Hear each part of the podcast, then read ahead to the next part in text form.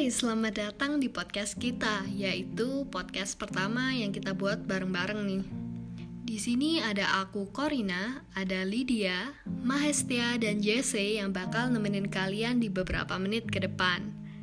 Kalau akhir-akhir ini pada rame bahas tentang tim Han Ji Pyong atau tim Namdosan, kini kita juga bawain battle yang gak kalah seru antara dua platform desain yang pastinya gak asing kalian dengar, yaitu Canva, dan Adobe Illustrator atau yang biasa kita sebut dengan AI. Kamu di mana sih sebenarnya? Tentunya kalian gak asing dong dengan namanya Canva. Rata-rata setiap mahasiswa pernah akses nih. Tapi bagi kalian yang belum tahu, Canva ini sendiri merupakan sebuah alat untuk melakukan desain grafis kreatif secara online dalam bentuk web maupun aplikasi. Di dalam Canva terdapat banyak template desain maupun animasi yang bisa dengan mudah untuk kita gunakan.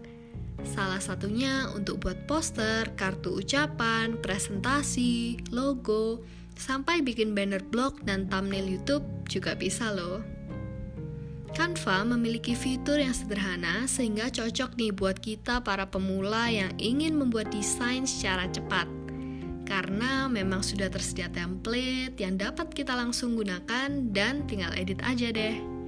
Sedangkan di sisi lain ada nih namanya Adobe Illustrator atau yang biasa disebut dengan AI. AI merupakan sebuah software bergerak di bidang pengelolaan gambar dan berhubungan langsung dengan vektor. Buat kalian yang nggak tahu apa itu vektor, Vektor merupakan sebuah jenis gambar yang apabila diperbesar atau di zoom hasilnya tidak akan pecah dibandingkan dengan gambar lain. Canva launching pada tahun 2012, sedangkan AI ini sendiri udah mulai dari lama nih, 1986. Kegunaan dari AI ini menyerupai dengan Canva, yaitu sebagai sebuah alat untuk menghasilkan berbagai output desain, namun bedanya dengan Canva, di sini kita nggak bisa nih edit template karena memang kita harus buat semuanya dari awal.